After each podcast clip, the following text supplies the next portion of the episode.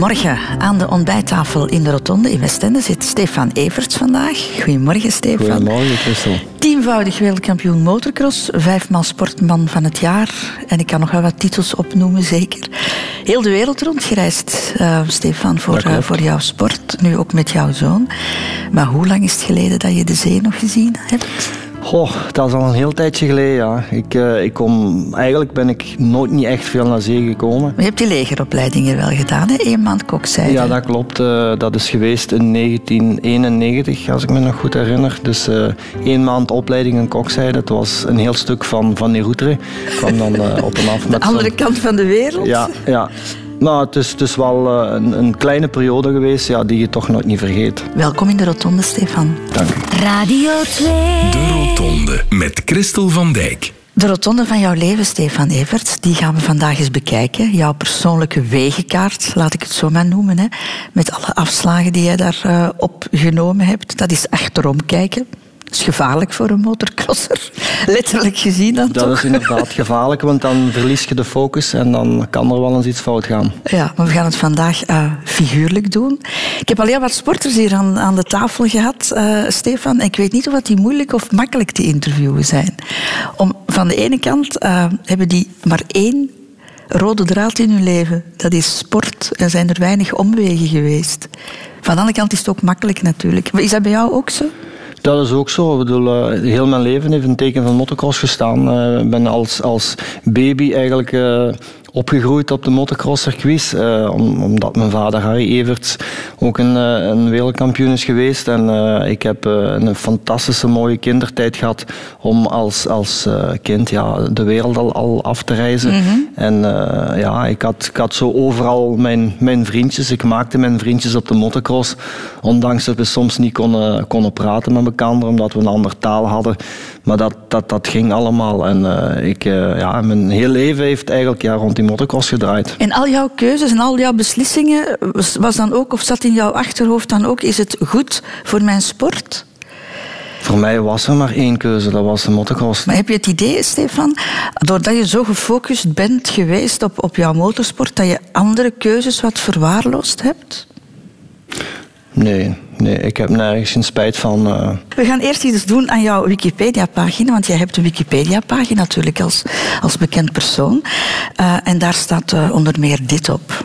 Stefan Evert, neer Oeteren, 25 november 1972, is een voormalig Belgisch motorcrosser. Vanwege zijn tien wereldtitels wordt hij beschouwd als de beste motorcrosser aller tijden. Dat klinkt nogal, hè? de beste motorcrosser aller tijden. Maar goed, jouw Wikipedia-pagina, Stefan, die, die gaat alleen maar over uh, de periode vanaf dat je bekend werd. Hè? De periode uh, van jouw, kindertijd en zo, daar horen we eigenlijk, of daar lezen we niks over. En dat vinden we toch wel wat jammer. Want dat is toch ook een, uh, een belangrijke periode geweest in jouw leven.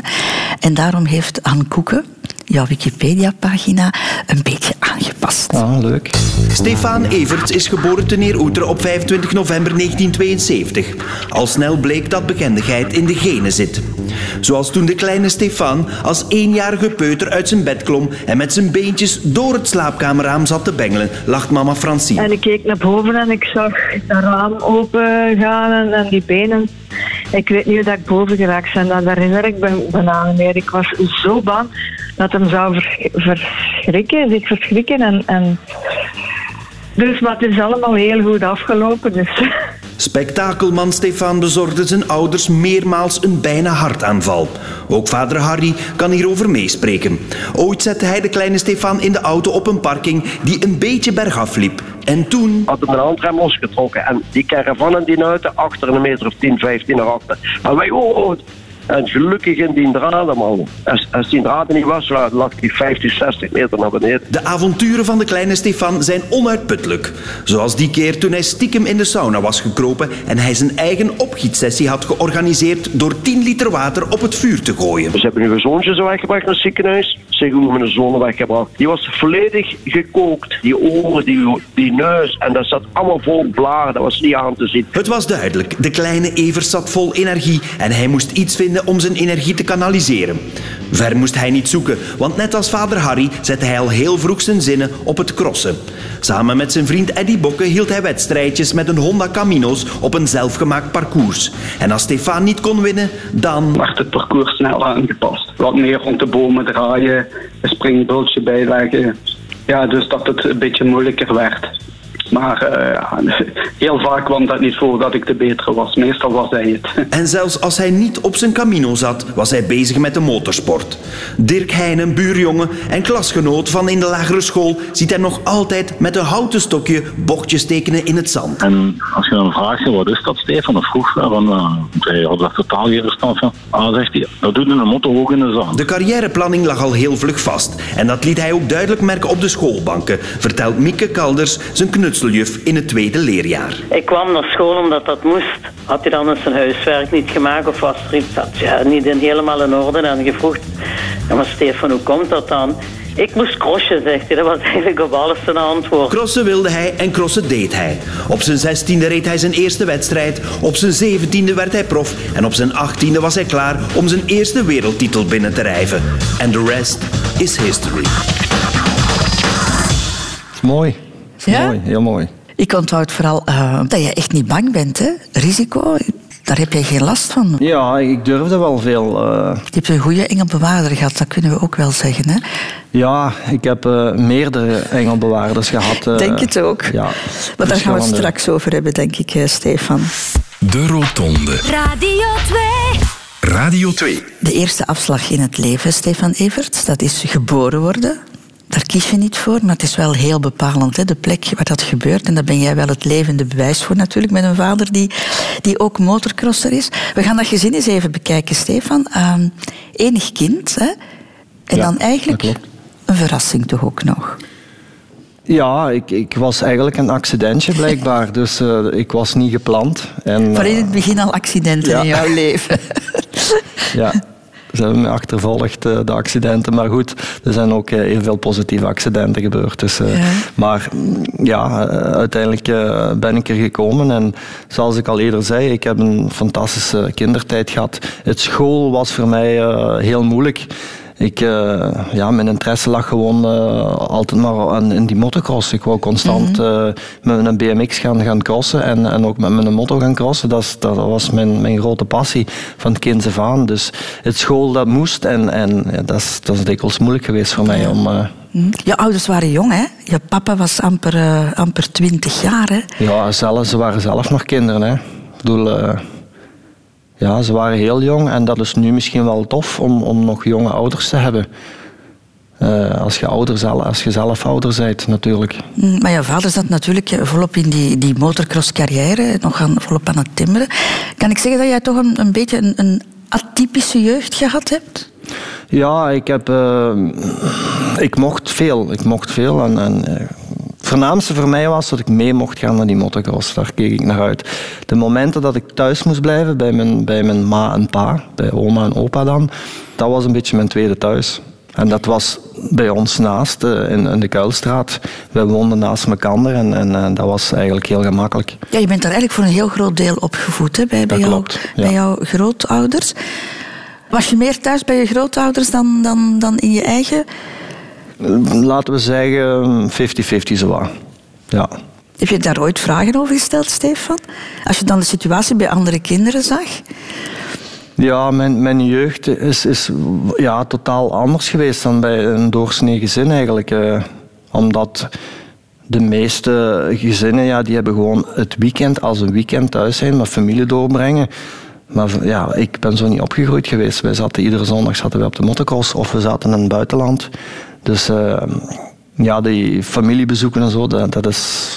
De traditionele dingen voor de doorsnee mens heb ik eigenlijk nooit niet mee- meegekregen. Heb je het gevoel dat je dat gemist hebt? Nee, nee. Omdat ik zoveel andere dingen in de plaats heb gekregen. Onder andere het, het rondreizen. Ja, maar je mama heeft wel verteld dat jou, een van jouw onderwijzers toch wel aan haar verteld had dat je soms weende in de klas. omdat ze weg waren. Ja, voor mij was dat het ergste als ik niet mee mocht. Dat ik niet mee mocht naar die motocross. En, en ik moest dan, ja... eh, en dan was ik zo blij als ze terugkwamen van de, van, van, van de motocross. En dan, ja, en dan hadden ze geen tijd voor mij. Want ze waren in de weer, want ze moesten gaan wassen en ze moesten dit en dat. En ze waren vermoeid eh, van de wedstrijd, van, van het reizen. En dikwijls was dat een teleurstelling ook voor mij. Als ik ze dan was ik zo blij om mijn ouders terug te zien. En, en dan was dat niet wederzijds. Want ze hadden dan niet echt de tijd of zo. En dat zijn toch dingen die me altijd zijn bijgebleven. Moest jij dan sneller ehm, onafhankelijk worden dan andere kinderen, denk je? dat je plan moest leren trekken? Ja, in een zekere zin wel een klein beetje. Ma- Maar ik heb eh, heel veel liefde van, van mijn moeder gehad. Ja, die, ja die, die, die gaf me dan toch wel wat ik nodig had. Ze deed alles voor mij en, en, en ze kon fantastisch goed koken. Nog altijd. Typisch voorbeeld, hè? Liefde van de man gaat door de maag, zeggen ze. Hè? Ja. Ehm, je hebt zelf nu twee kinderen. Je hebt- een, een, een vrouw, twee kinderen, een, een, een gezin. Heb jij het in de loop van, van jouw carrière op dat gebied anders willen doen? Heb je geprobeerd om, om een meer aanwezige vader te zijn? Ja, ik, ik was bang ehm, dat ik het niet zou kunnen combineren tijdens mijn carrière en dan met kinderen bezig zijn of een kind.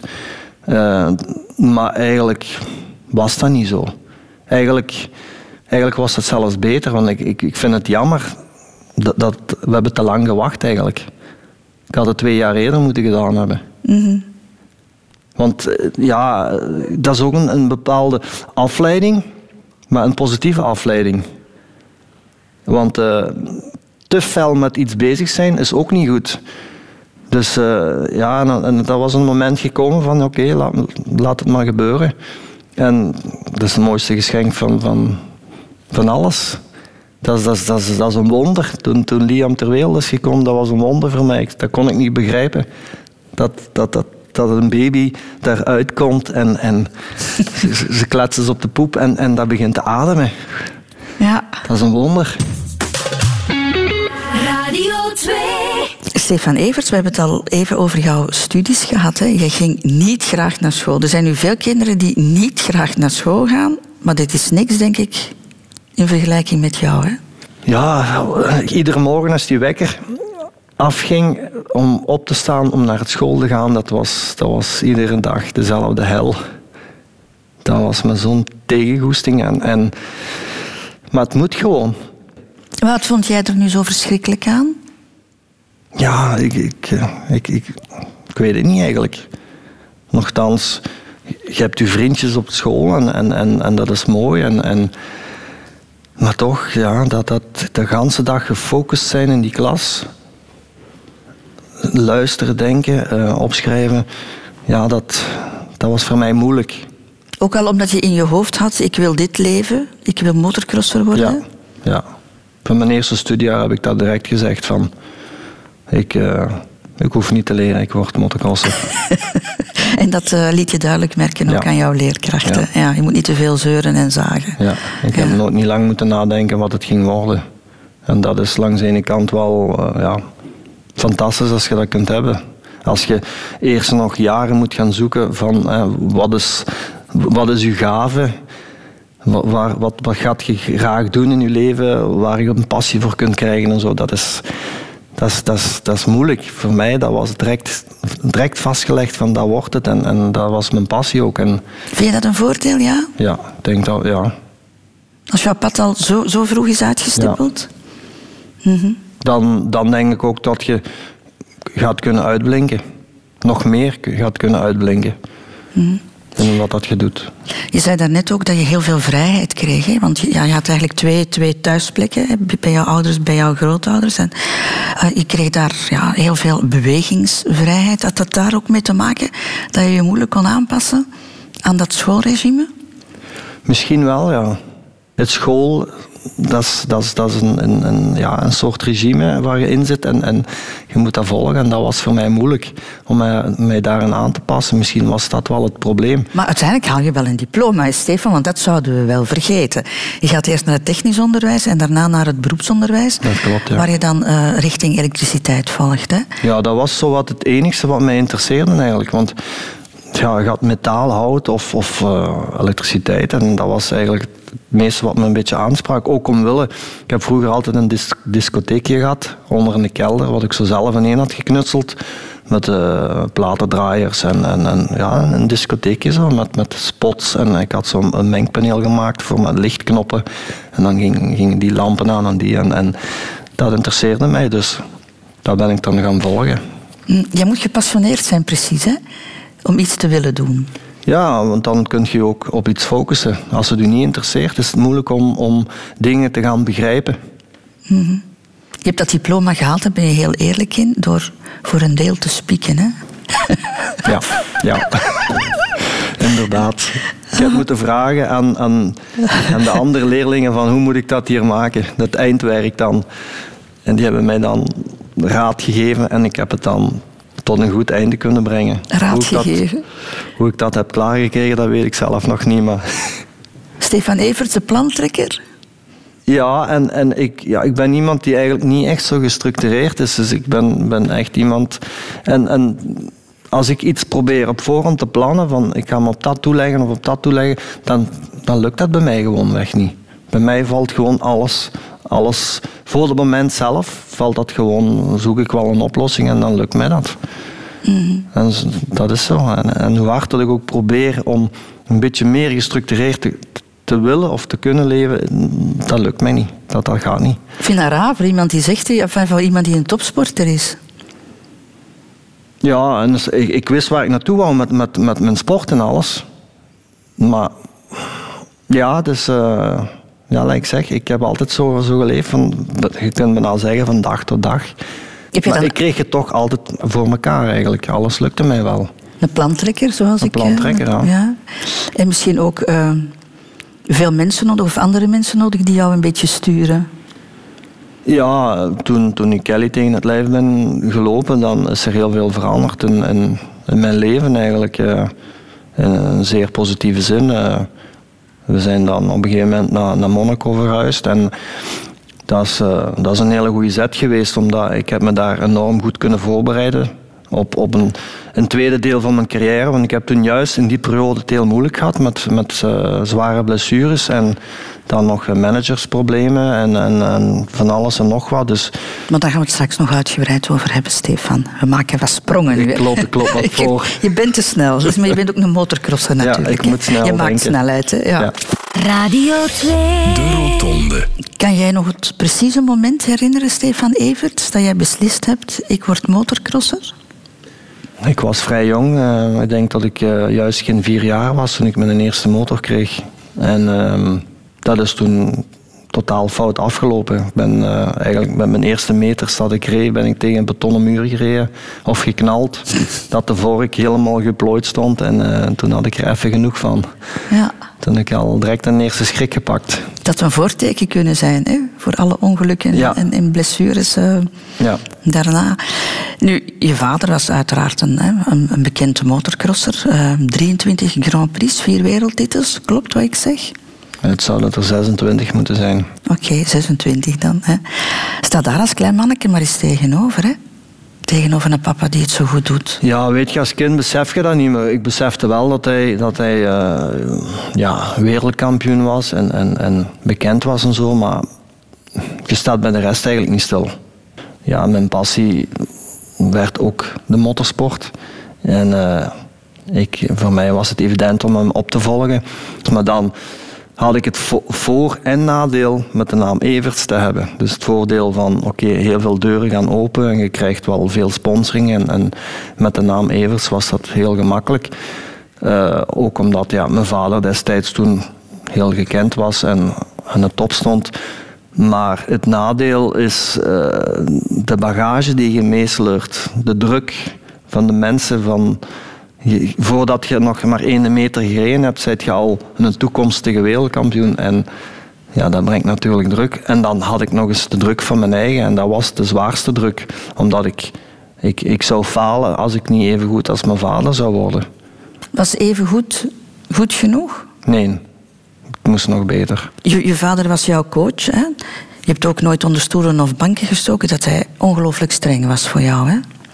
Hij was heel hard ja, en streng, ja. heel direct. En het was nooit niet goed. Kunt het, er waren altijd punten die beter konden. En, en, en, en dat doe, doe ik nu hetzelfde met Liam. Is het echt? Ja, ik zie ook dingen en dan zeg ik ook van ja, Liam, dat en dat je beter zo gedaan en zo en zo en zo. Dus ja, dat is, dat is, dat is een afwijking. Waarom doe je dat met Liam? Ja, omdat ik, omdat ik wil dat hij ook het goed doet en, en dat hij op, op zijn niveau eh, presteert. Ik zie wat hij kan. Ik ga, hem ook niet, eh, ik ga ook niet van hem verwachten van eh, hij moet nu vandaag winnen als hij dat niet kan. Ik bedoel, ik kan hem ook wel goed inschatten waar hij momenteel staat. maar dan zou, wil ik hem nog graag op het beste van zijn eigen zin geven. En, en dat hij op zijn beste rijdt. En, en dat zin ik niet altijd. En dan, ja, dan, dan dus de geschiedenis herhaalt zich eigenlijk. Ja, maar volledig. kan je nog eens even uh, inleven in, in, in, in de jonge Stefan Everts met een vader die, die, die kritiek gaf? Ja, Wat- dat was dat? Hè. discussiëren. Ik, eh, ik nam niet direct alles aan van mijn vader. Maar uiteindelijk moest ik hem toch altijd zijn gelijk geven. Van, ja, eigenlijk had je toch gelijk.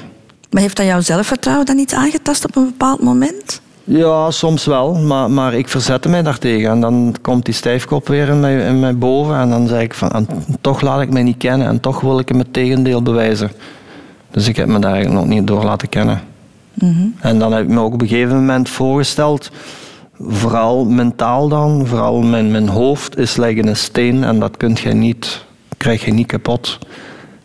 Je gaat me niet klein krijgen, niemand krijgt mij klein, niemand kan mijn, mijn, mijn hoofd of mijn steen kraken. Welke rol speelde jouw moeder daarin, in dat hele verhaal? Ja, vooral in de pe- beginperiode een heel belangrijke rol, omdat zij toch zo'n beetje het evenwicht eh, terug kon krijgen. Omdat papa was heel extreem naar die kant, maar mijn moeder gaf me dan ja, een beetje toch de liefde en dan toch aandacht, een, een, een luisterend oor naar wat papa had te zeggen. Een schouderklopje misschien ook eens? Soms wel een schouderklopje, jawel, inderdaad. Ja, dat, dat was nodig om dat evenwicht te houden. Maar dat zorgde wel voor spanningen tussen jouw ouders. Ja, plus, dat is ook een periode geweest, ja, we zijn, ja, zijn in een, in een echtscheiding beland. Ja, en dat, dat, was, dat maakte de, de situatie nog moeilijker, omdat de verstandhouding tussen mama en papa die was niet optimaal. En dan waren de discussies over de, over de motocross tussen ja, papa en mij dan. En dan, ja, dat was, dat was, dat was echt een heel, heel moeilijke situatie. Maar, dat ik zeg, ik heb me daar weer niet aan laten kennen. En ik stapte op die motor, ik zette die helm op en dat was allemaal voor mij achter mij. Dat bleef achter mij en ik focuste, ik focuste mij op mijn, op mijn, op mijn motocrossen. Dus ik kon dat perfect van mij afzetten.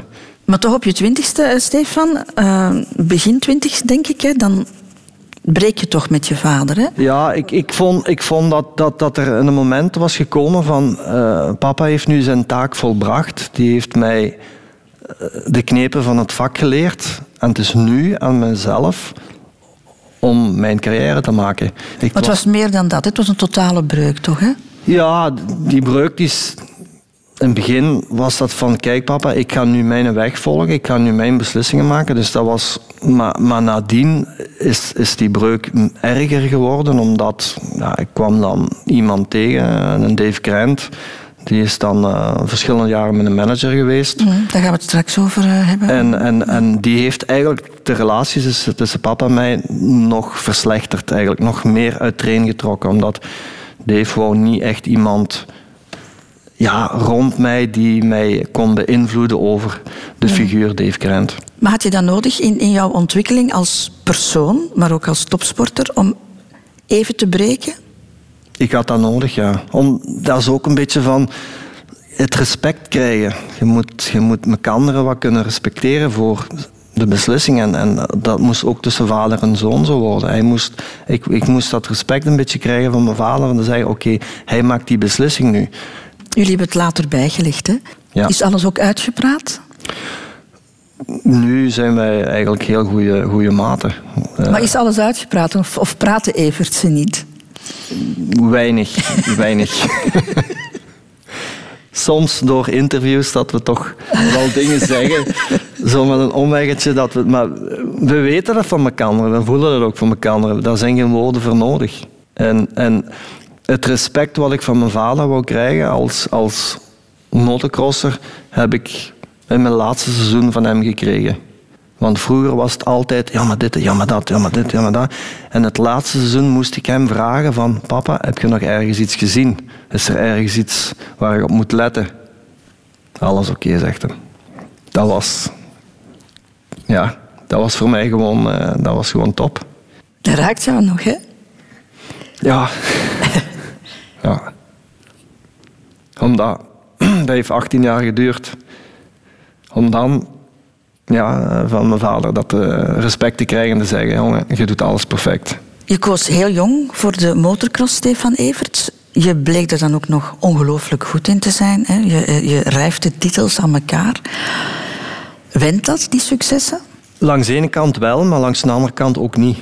Omdat we komen op een bepaalde leeftijd en, en ieder, ieder maal als ik nog een Grand Prix won of een titel won, dan dacht ik iedere keer dat dit kan de laatste zijn.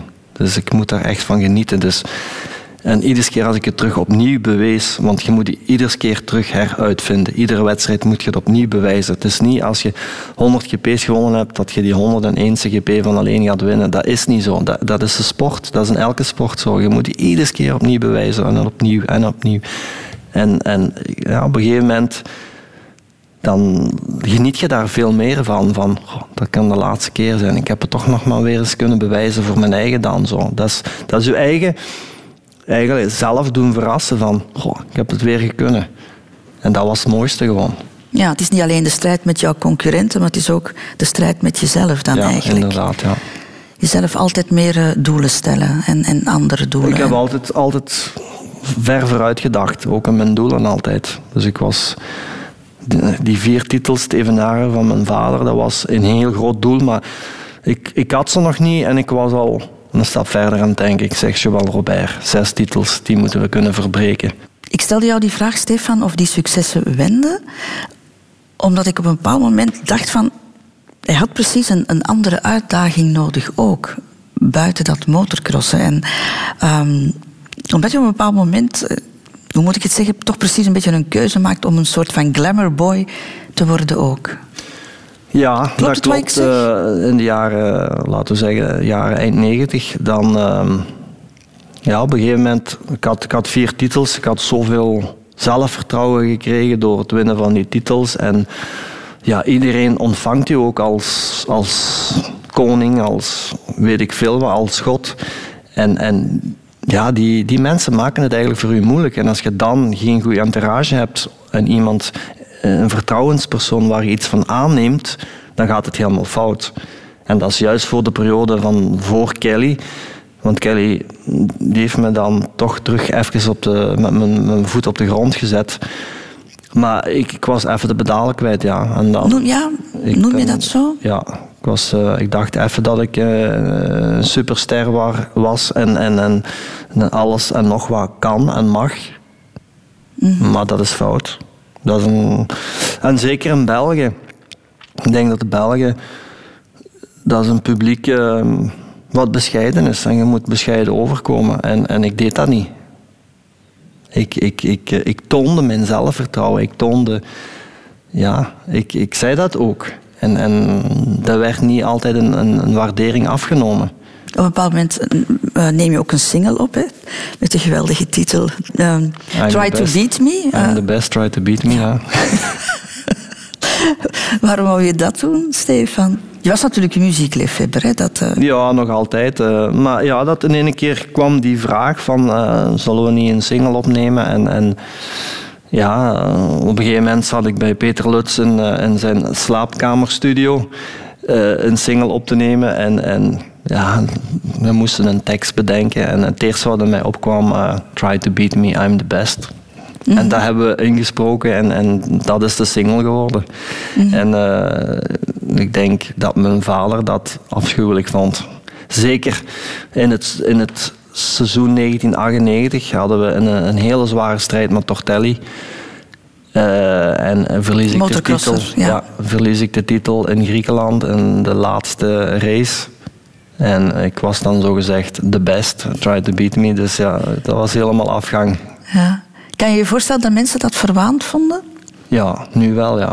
Destijds, ja, maakte mij dat niet veel uit.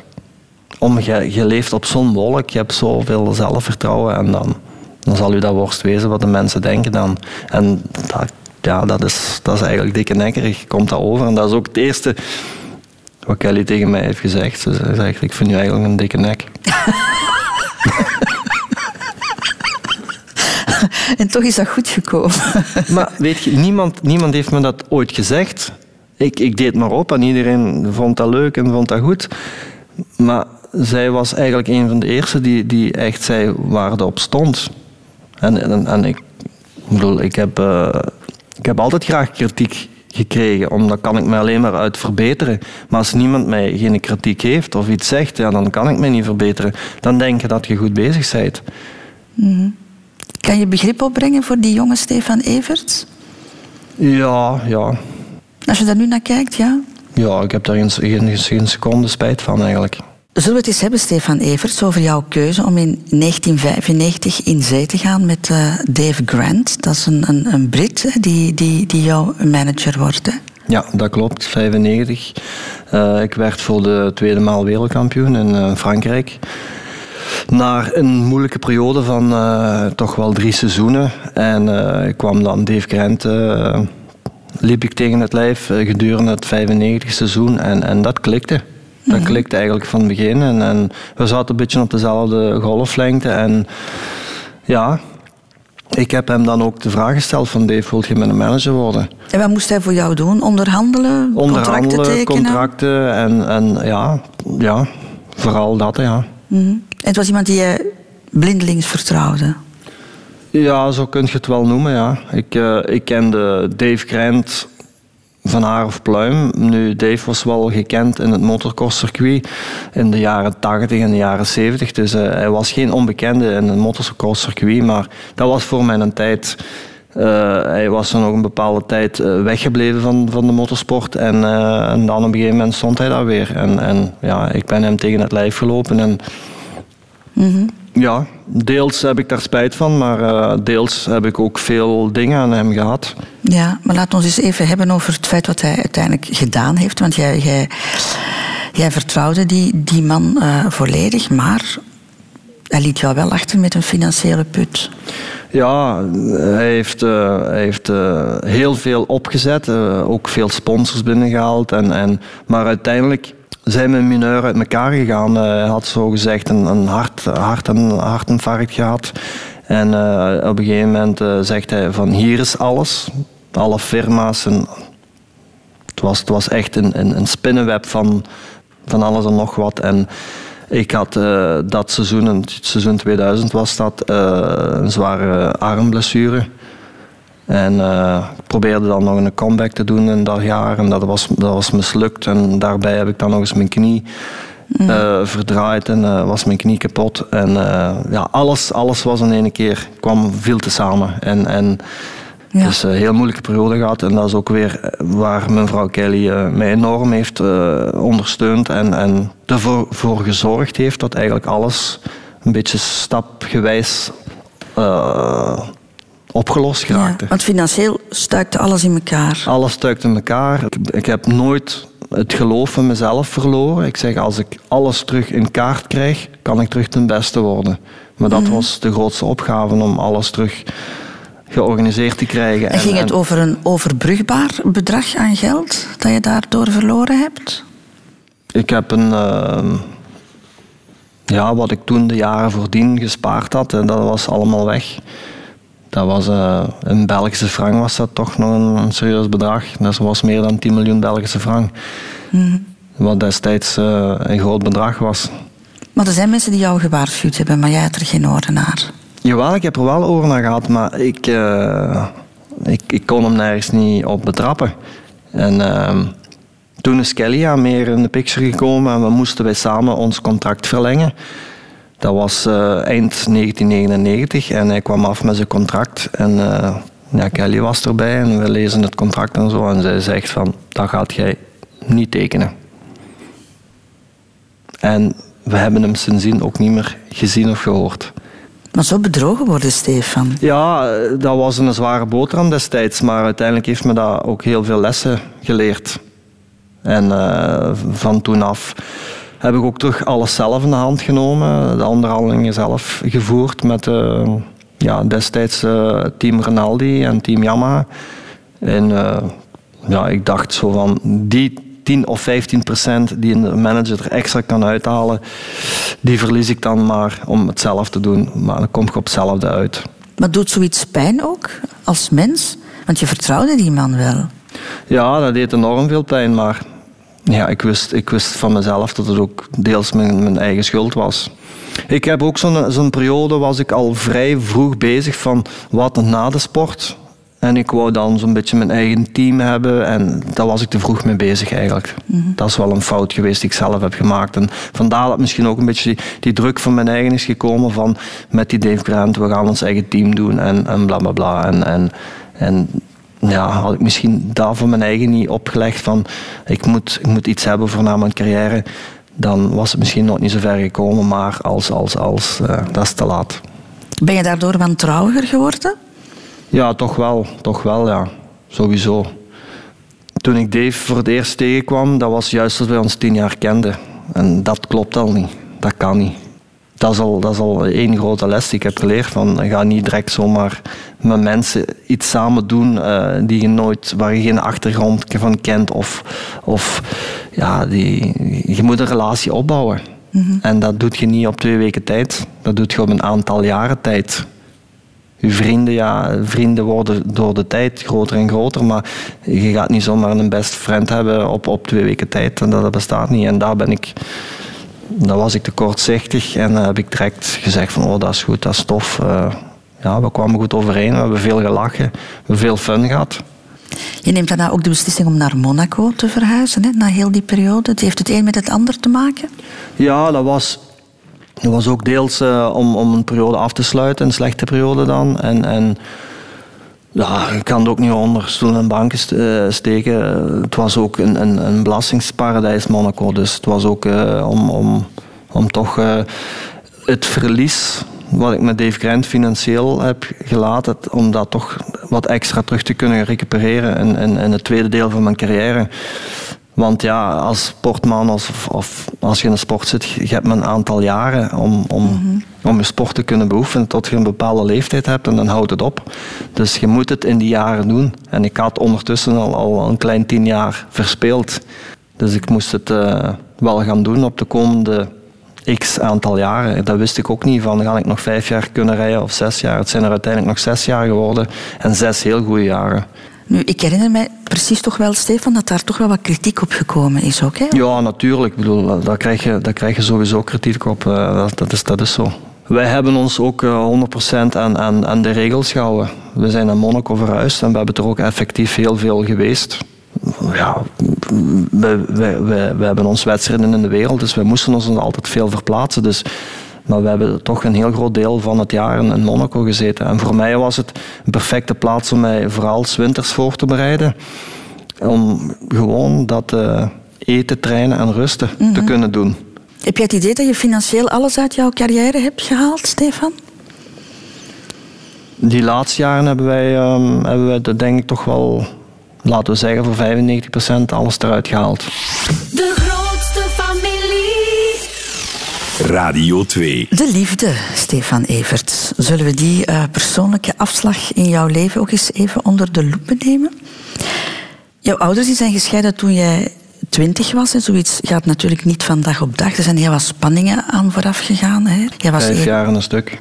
Ja, je hebt dat van heel dichtbij meegemaakt. Ja. Hoe heb je dat ervaren?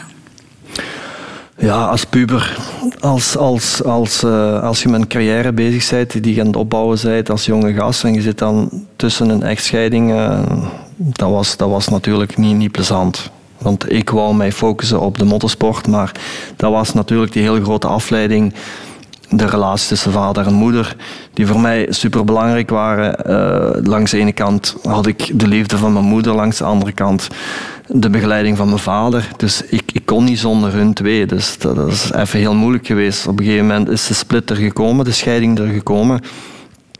Dan ondertussen had ik al een woons gekocht in, in buiten. Uh, en daar ben ik dan met mijn moeder gaan wonen. Daar heb ik dan verschillende jaren samen gewoond met mijn moeder, omdat ik, ik, moest, ik moest, ja, ik kon nog niet afscheid nemen van mijn moeder. Ook, ook de verzorging, het eten, de was en de plas. Ja, ik had, uh, ik had nog niet de, de perfecte vriendin om, om die taken over te nemen. Dus uh, mijn moeder heeft dat lang voor mij gedaan. Uh, en dan gingen we apart naar, naar de wedstrijd. Dus mijn vader was toen wel op de wedstrijd, mijn moeder ook. Dus dat is echt wel een moeilijke periode geweest. En dan was er dikwijls nog wel ruzie op de wedstrijd of tijdens, tijdens het weekend. En zo uh, ja. ja. dingen die... Ja, ik heb wel wat dingen zien gebeuren. En uiteindelijk is alles goed gekomen. Ja. Dus uh, mijn vader moeder, de relatie momenteel, die is goed. Uh, en, en is, iedereen is gelukkig. En dat is wat ik uiteindelijk wil. Dus, ja. Als het niet meer samen kunnen gelukkig zijn of als ze apart zijn, dat maakt me niet uit als ze maar gelukkig zijn. Maar heeft dat iets gedaan met jou in, in jouw jonge heel jaren? Veel, heel jouw veel. geloof in, in, in, liefde en relaties? Ja? Vandaar dat ik ook eigenlijk zo laat ben getrouwd. Want ik heb altijd tegen Kelly gezegd van ik zal nooit niet trouwen. Omwille van die slechte ervaring die ik thuis heb gezien. En eh, wat ik er vo- vooral van heb opgestoken was het team tussen mijn vader en moeder tijdens de carrière van mijn vader was perfect. Mhm. Mijn vader stopt met motocrossen. Eh, Het zwarte gat, wat ze zeggen, na de sport, is er gekomen. Dan is die scheiding gekomen. Er zijn allerlei dingen gebeurd. En eh, dat heeft me toen ook aan het nadenken gezet van ja, eh, wat gaat er gebeuren tussen Kelly en mij als ik stop? Ga ik ook in dat zwarte gat vallen? Hoe gaan we daar doorkomen? En eigenlijk heb ik dan gewacht en, en we hebben ook een heel moeilijke periode gehad. Maar dan op een gegeven moment hebben we ons terug her, heruitgevonden of zijn we terug ja, naar elkaar gegroeid. En, en eh, toen was het voor mij in één keer van, ja, ik moet haar ten huwelijk vragen. En dat heb ik gedaan op mijn 40ste verjaardag. In die moeilijke periode, Stefan. Was dat nadat je gestopt was? Ja. Ja. Ehm, ik heb gedurende mijn carrière heel veel gehoord van wacht maar na uw carrière het zwarte gat. En eigenlijk, eigenlijk heb ik het zwarte gat niet gehad. Ik heb dadelijk dat kunnen opvullen. Ik ben gestopt en ik ben direct in een iets anders, in een ander nieuw avontuur ges- gestapt. Ook in de motorsport, de motocross. Maar voor Kelly waren de taken weggevallen. Ik denk dat Kelly meer het zwarte gat heeft gehad dan dat ik dat heb gehad. Omdat zij was een, een weer en wind voor organisatie, planning, eh, onderhoud met de sponsors, eh, het financiële. Eigenlijk had zij eh, een fulltime job met, alles, met al, al die taken. En, en dat viel voor haar in één keer weg. Dus het was voor haar veel moeilijker en dat heeft dan ook wel op onze relatie gespeeld. Heb je ooit gedacht om op te geven? Nee, want dat zou mijn grootste faling in mijn leven zijn. Moest, moesten wij scheiden, eh, te- zeker ten opzichte van onze kinderen. Maar uiteindelijk zijn jullie dan getrouwd. Wat heeft die ommekeer bij jou teweeggebracht? Tijdens een carrière draait gewoon alles, heeft gewoon alles rond mij gedraaid. Moest zij zich alleen maar altijd wikken en wegen en aanpassen naar, naar, naar mijn carrière eigenlijk. En als je dan stopt, ja, dan verandert het leven. En, en je moet terug een beetje nieuwe draai vinden. Dat is, ja, dat is toch, toch heel iets anders. En, en daar moest ik van overtuigd zijn dat we terug ja, eh, respect voor elkaar hebben en, en, en liefde voor elkaar hebben. En dat is er na verschillende jaren teruggekomen. En dan heb ik gewoon heb ik die klik in mijn hoofd gekregen van dat is de vrouw van mijn leven, hier moet ik mee trouwen. Ze heeft veel voor jou gedaan ook, hè? Enorm veel. eh, ja, ook nu tijdens eh, mijn laatste half jaar met malaria. Zij, zij doet wat, wat nodig is. Ze heeft mijn voeten verzorgd. Ze heeft, ze heeft mij antibiotica aangelegd. eh, alles wat, wat, wat ze moet doen, doet ze. Maar daarvoor ook al, hè? Jullie gaan naar Monaco, zij geeft daar job op. Ja. Een job die ze heel graag deed, hè? onderwijzeres in, in, in, in bijzonder onderwijs. Ja. Maar ze gaat mee naar Monaco, waar ze bij momenten toch ook wel eenzaam was. Ja, nu, ze is wel altijd mee geweest. Dus ze is altijd wel meegereisd. Dus, dus uh, het is wel niet zo dat zij uh, veel weekends daar alleen zat. Want ik, ik moest, daar, moest daar gewoon bij. Ze moest altijd bij me zijn op de wedstrijden. Ze moest, ze moest voor mijn eten zorgen. Ze moest zorgen dat mijn kleren er waren. Ze, moest, ze maakte zelfs op het laatste mijn crossbrillen klaar. Tijdens de bevalling toen, toen, ben ik, uh, toen heeft ze nog mijn brillen gemaakt uh, voor het weekend van, van Namen. Uh, dan zat ze, ze was net bevallen en dan zat zij daar aan mijn brillen te prutsen en die moesten klaar zijn. Dus ja, ze, ze, deed, ze deed bijna alles voor mij en, en ik, ik had die steun nodig. En ook soms, als het soms niet goed ging of er was eens iets van gewoon haar mening te horen. Kan je zeggen dat, het, dat Stefan Everts een team is? Ja. Stefan zijn, en Kelly? Wij zijn een team, ja. Ja. En uh, we kunnen ons ook moeilijk missen. Kinderen, Stefan Everts, is dat voor jou altijd een evidentie geweest dat die er zouden komen? Ik heb nooit niet gedacht van... Ik wil nooit geen kinderen. Zo. Ik heb daar wel altijd voor open gestaan. Maar ik heb dat altijd voor me uitgeduwd. Omdat ik ja, tijdens mijn carrière, ik zeg dat gaan we niet kunnen combineren en dat gaat niet en dat is te vroeg. En totdat tot het moment is gekomen van ja, we gaan voor kinderen. En, en ja, dat was fantastisch. Ik bedoel, dat zijn hoogtepunten in uw leven, hè? Mhm. de geboorte van uw kinderen. het was een beetje een verrassing hè, toen ze zwanger was, toch? Het was een verrassing, dat klopt. Want uh, ik denk dat we die morgen uh, gingen we terug naar Monaco met vliegtuig. En, en de dokter had gebeld s morgens en, uh, met het mooie nieuws van ja, Kelly is zwanger. En ik denk dat ze nog een beetje bang was voor mijn reactie om het mij te vertellen. En toen ze mij vertelde, ik was, ik was dadelijk van wauw. Ja? Ja, ik was super blij. En ik heb, ik heb ook nooit niet getwijfeld van dat dan, van het moment dat ik die klik had gemaakt in mijn hoofd van ik ga dat wel of niet kunnen, aankunnen. De combinatie van de motorsport en, en, uh, en een kind in huis te hebben als papa zijnde. De bevalling was ook weer iets heel speciaals, misschien typisch voor een, uh, een, een, een, topsporter. Jij moest een wedstrijd gaan rijden, de Grand Prix van, van Namen. Een, belangrijk, een belangrijke wedstrijd voor jou. Hè. En daarom wilden jullie bevalling inleiden. Dat hebben jullie beslist samen. We gaan die bevalling inleiden, ja. zodat ik die Grand Prix kan. Ja, dus we hadden een vrij weekend. En het moest dan in dat weekend gaan gebeuren. dat is ongelooflijk, hè? Maar je kunt, je kunt dat niet plannen. Maar de arts die had dat niet gezegd van vergeet dat maar, we, kunnen dat niet zomaar in gang zetten. Als dat te vroeg is, is dat te vroeg, kan dat niet. Dus dus, maar wij gingen ervan uit van wel, dus we hadden alles gepland. Want oorspronkelijk hadden we gepland dus dat uh, Liam in, Monaco ging uh, geboren worden. Maar dan gingen we naar het ziekenhuis. We hadden alles geregeld, de familie, de, de oma's en de opa's die gingen komen en nog wat familie. En ja, we gingen naar het ziekenhuis en ze gaat aan de monitor hangen en die zeggen, c'est pas possible, pas aujourd'hui. Ja, dat was onmogelijk om, uh, om dat in gang te zetten. En uh, dan zijn wij terug het afgedropen naar het appartement en hebben iedereen afgebeld. en van ellende zijn we maar terug in bed gekropen. En uh, dan de weekend erop moest ik dan de Grand Prix in Tsjechië rijden. Dus dan ben ik naar Tsjechië gevlogen en zondagavond ben ik dan nog terug naar Monaco kunnen vliegen via Frankfurt. En uh, de weekend daarop was het de Grand Prix van België in Namur. En uh, woensdag zaten we terug in het ziekenhuis bij de arts. En uh, ja, no, c'est pas, pas possible, no, no, no. En Kelly die schiet, die schiet daar een actie en die zegt, ik blijf hier niet. Ik blijf er niet alleen achter. Als jij naar België vertrekt, want ik moest dan namiddags vloog ik al naar België om mij een beetje voor te bereiden met alles. Ik blijf hier niet en dit en dat. En uh, ja, bel maar naar, de, naar, naar dokter De Bruin. Dus we bellen naar André. En ja, dokter, op vier uur tijd zijn we van deur tot deur. Van de deur in Monaco tot de deur in België. Kunnen we op vier uur tijd. Wat denk je daarvan? Ja, ja, dat kun je proberen. Dat kun je proberen. Dus goed, ticket gekocht naar de luchthaven in Nice. Zo'n beetje gecamoufleerd, die dikke buik, zo een chakos voorgehangen, weet ik veel wat. Niemand niks gezien.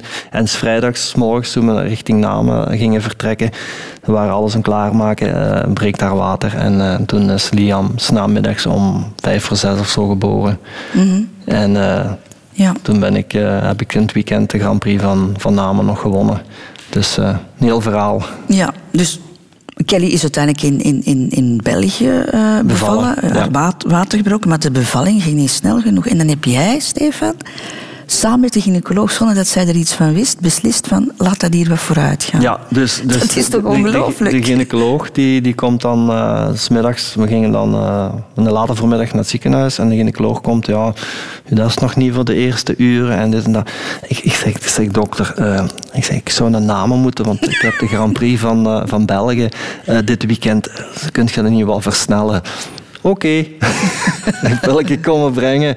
En binnen, binnen, binnen het half uur kreeg zij al haar eerste weeën en eh, oh, ze heeft ze afgezien. Toen heeft ze afgezien. Omdat jij die Grand Prix zou kunnen rijden. Maar Allicht een, een, een logische beslissing voor een topsporter. Maar als je daar nu aan terugdenkt, Stefan, zou je zo'n beslissingen opnieuw nemen? Ja, ik zat toen met, met, met, met die Grand Prix in mijn hoofd. En oké, ja, de geboorte van je eerste kind is natuurlijk iets, iets waar je naar uitkijkt. Natuurlijk, je wilt dat meemaken. En, en ik wou niet in namen zitten en dat zij beval. eh, ik, moest, ik moest dat gezien hebben. Ik, ik heb dat ook helemaal gefilmd. Ik, en, en ja, dat was onbeschrijfelijk gewoon. Dus en, en de bevalling was goed en het was allemaal oké. en toen was ik gerust. Dan kon ik mij verder focussen op een Grand Prix. Die je dan ook nog won. Die ik ook nog gewoon, ja. Ja. Je hebt, eh, zes jaar later is jouw dochter Miley gekomen. Maar daartussen, daar heb je daar net al even aangehaald, is er nog een, een miskraam geweest die, die Ja. erg belastend is geweest voor jullie relatie. Ja, dat klopt. Ja. Een heel moeilijke periode. Eigenlijk, eh, de hele zwangerschap ging al heel moeilijk. Ehm, dat zat al van het begin niet, niet, niet juist. En, en oké, eh, we zaten op een gegeven moment in, in Portugal voor een wedstrijd. Ehm, ik was toen destijds eh race en teammanager voor het KTM-team. Dus eh, ja, ik, ik ben blijven reizen. En, en Kelly was er toen bij. En toen eh, is ze heel slecht geworden. Dan is het ook terug even opgenomen in het ziekenhuis, want ze was aan het uitdrogen. En ehm, ja, dat zat niet goed. En dan op een gegeven moment zat ik in, in Spanje. Een crossschool was ik aan het geven samen met mijn vader. En toen kreeg ik in één keer telefoon s'avonds, helemaal in paniek. En eh, is, is het, eh, het kindje eigenlijk gestorven, of ja, of dood afgekomen. Ja. En, en, Ze was al redelijk ver in haar zwangerschap. ja, het toen? was eh, denk ik 21 weken of 22 weken. Dus ja, ik ben dan onmiddellijk teruggekomen van Spanje en dan hebben we samen afscheid genomen. Ehm, ja, dat is toch, toch, toch van die dingen ja, die je niet vergeet. Dat zijn ja, ja, gebeurtenissen in je leven die, die je niet zomaar wegcijfert. Je hebt toen beslist om de foetus te zien, hè? Ja, ja. We, Waarom? hebben daar, we hebben daar samen van af, afscheid genomen. Ja, waarom? Ik denk ook gewoon ook voor, voor haar verdriet. Want voor haar is dat natuurlijk, zij heeft het gedragen. Eh, Met een man, en een man is dat toch altijd anders. Voelt je dat toch anders aan dan als je dat zelf hebt gedragen. En gewoon om samen dat afscheid te kunnen nemen met haar, denk ik, dat was gewoon belangrijk. Hoe komt dat dat zo'n impact gehad heeft op jullie relatie? Ja, ik denk, ja, tijdens die zwangerschap voelden ze zich al niet goed. Dus, eh, en het zat al niet, niet zo geweldig goed tussen ons. We waren een beetje, ja, zij was vooral ook terug een beetje naar haar weg aan het zoeken van welke kant dat zij wil, wil uitgaan. Eh, dat is in 2008 geweest, dus ik ben in 2006 gestopt. Dan 2007 is zo dat eerste jaar, dus dan dat de leegte er is. En, en dan 2008, ja, eh, oké, we- gingen terug voor een kind. Dat hadden we sowieso gepland, als, dat we twee kinderen wouden. En dan ja, begint dat van begin af aan moeilijk te, te bollen. En, en het zat al niet goed tussen ons, omwille van onze situatie. En dan daar nog zo'n slechte zwangerschap bij maakte het natuurlijk dubbel zo moeilijk. Maar we zijn er, we zijn er heel sterk terug uitgekomen. Eh, misschien heeft ons dat ook terug een beetje dichter bij elkaar gebracht, nadien.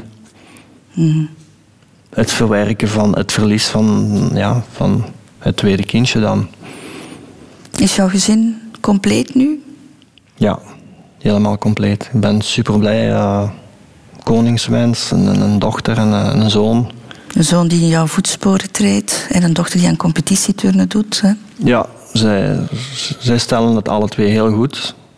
Eh, wij proberen ons kinderen streng op te voeden, maar, maar toch met de nodige, moet ik zeggen, eh, een goed evenwicht. En, en ze klaar te maken voor, voor het leven. Hè.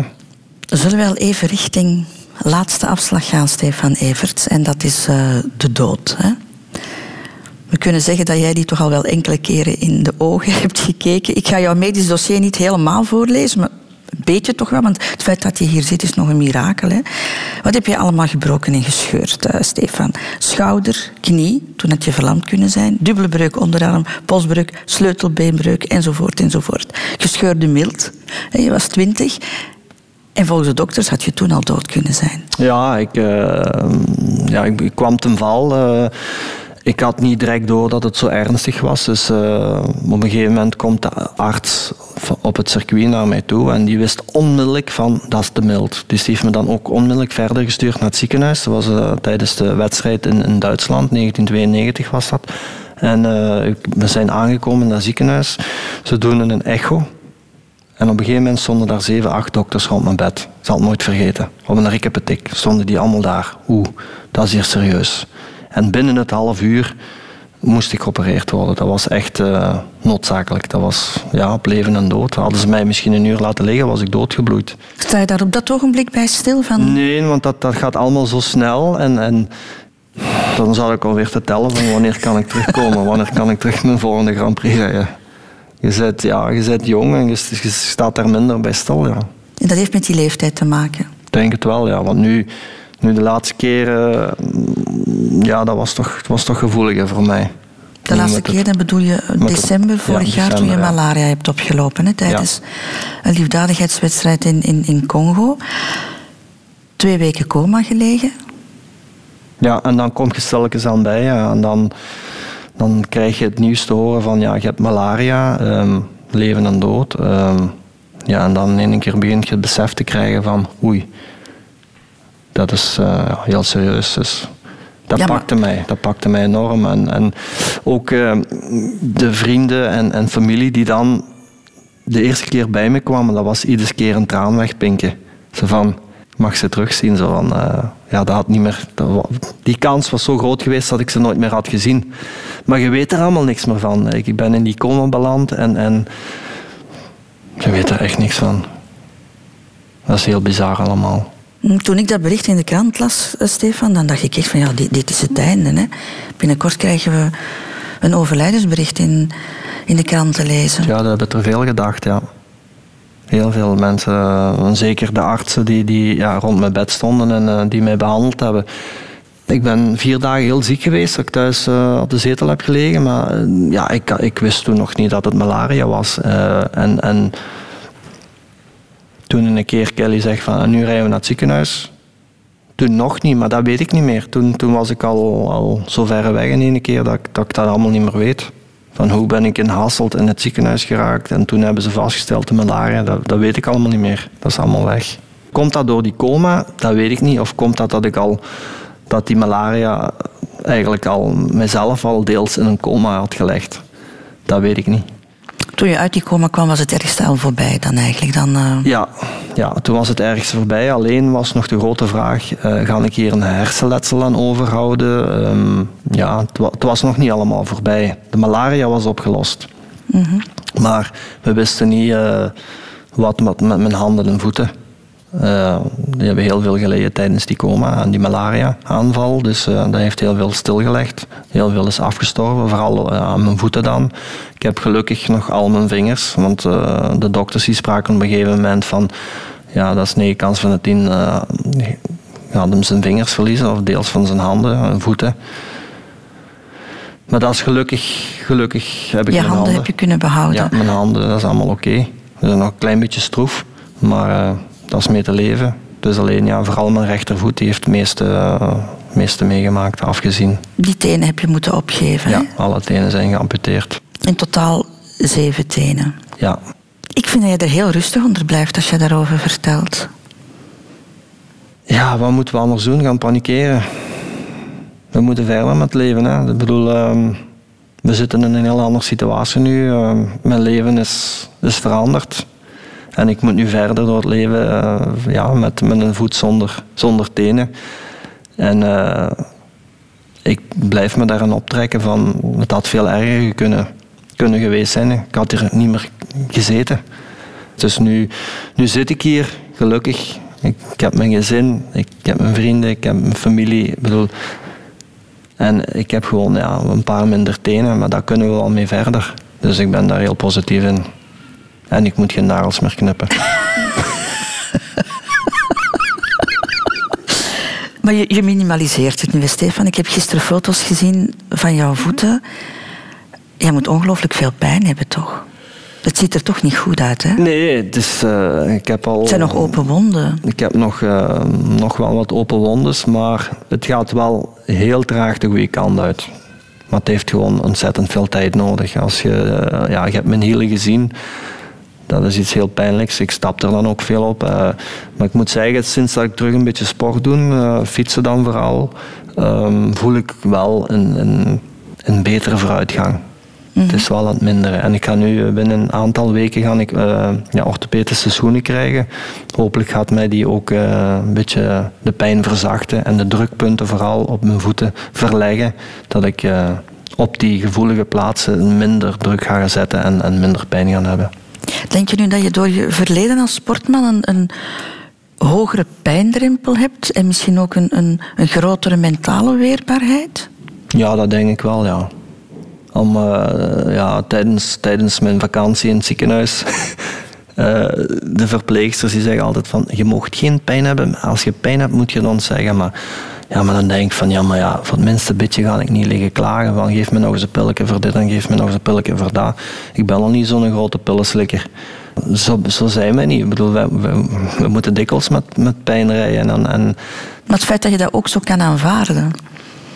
ja, dat is. ehm, ik ben altijd wel positief in, in mijn eh, ingesteldheid geweest. En ondanks dat ik de laatste jaren toch wel heel wat tegenslagen heb moeten verwerken, blijf ik positief. En, en ja, je moet van iedere dag profiteren in het leven. Ofwel loop je een hele dag depressief rond en wat heb je daar nu aan? Of, of je loopt een hele dag blij rond en je maakt er het beste van. En ik doe niks liever dan eens goed lachen. Ondanks. Ondanks wat je hebt meegemaakt. Stefan Evert, zullen we het ook nog even over de toekomst hebben? Want je hebt nog toekomst gekregen, hè? ondanks die malaria. Wat wil je daar nog mee doen? Boah, zo lang mogelijk eh, gelukkig zijn en, en proberen ja, eh, zo snel mogelijk terug een beetje fatsoenlijk op de been te kunnen. En dat ik eh, pijnloos doorleven kan. Eh, ja, ik heb nog veel last aan mijn voeten. Dus het verbetert wel, maar vooral ja, gezond en gelukkig zijn. En de familie zien groot worden, de kinderen zien groot worden. En hopelijk kunnen zij vroeg of laat ook hun successen in, hun, ja, in hun leven bereiken. Maar heb je ook nog concrete plannen? Voor dit moment momenteel ehm, niet direct, omdat ik ehm, eerst even moet eh, afwachten hoe het verder met mijn gezondheid zal verlopen, vooral dan mijn voeten. Als dat snel terug goed komt, dan, dan zullen we verder plannen gaan maken. Maar voorlopig ehm, eerst goed herstellen. Maar je hebt je zoon hè, om op te volgen. Ja, mijn zoon eh, ja, die volgen we dagelijks op. Dus eh doet ondertussen al heel veel wedstrijden. Dus eh, ik ben dit seizoen zelfs met veel pijn ook nog naar heel veel wedstrijden geweest. Wat ook mijn zin op iets anders heeft kunnen zetten. Vooral in mijn gedachten en mijn hoofd. Dat is een groot project, hè? Ja. Liam Evert. Ik vond het fijn om jou hier te hebben, Stefan Evert. Ehm, ik heb jou leren kennen als een, als een heel warm man, een gevoelig man ook. En daar zullen de gebeurtenissen van de voorbije maanden misschien wel iets mee te maken gehad hebben ook, denk ik. Ja, uiteraard. eh, ik, eh, ik ben vooral gevoeliger geworden na, na de malaria en eh, zeker die coma. Dus ik pink heel snel een traantje tegenwoordig weg. Mm, je bent een liever man geworden. Ja. Ja. Dankjewel uh, voor de fijne babbel. Wil je nog iets in mijn gastenboek schrijven, alsjeblieft? Liefste Christel, wat een super chill en gezellige plaats en huis. Als motorcrosserke ben ik super vereerd om hier met u aan tafel van de rotonde te zitten. Super tof gesprek gehad met een geweldig uitzicht. Van harte dank. PS. Ideale plaats om een crosscircuit aan te leggen. Stefan Everts.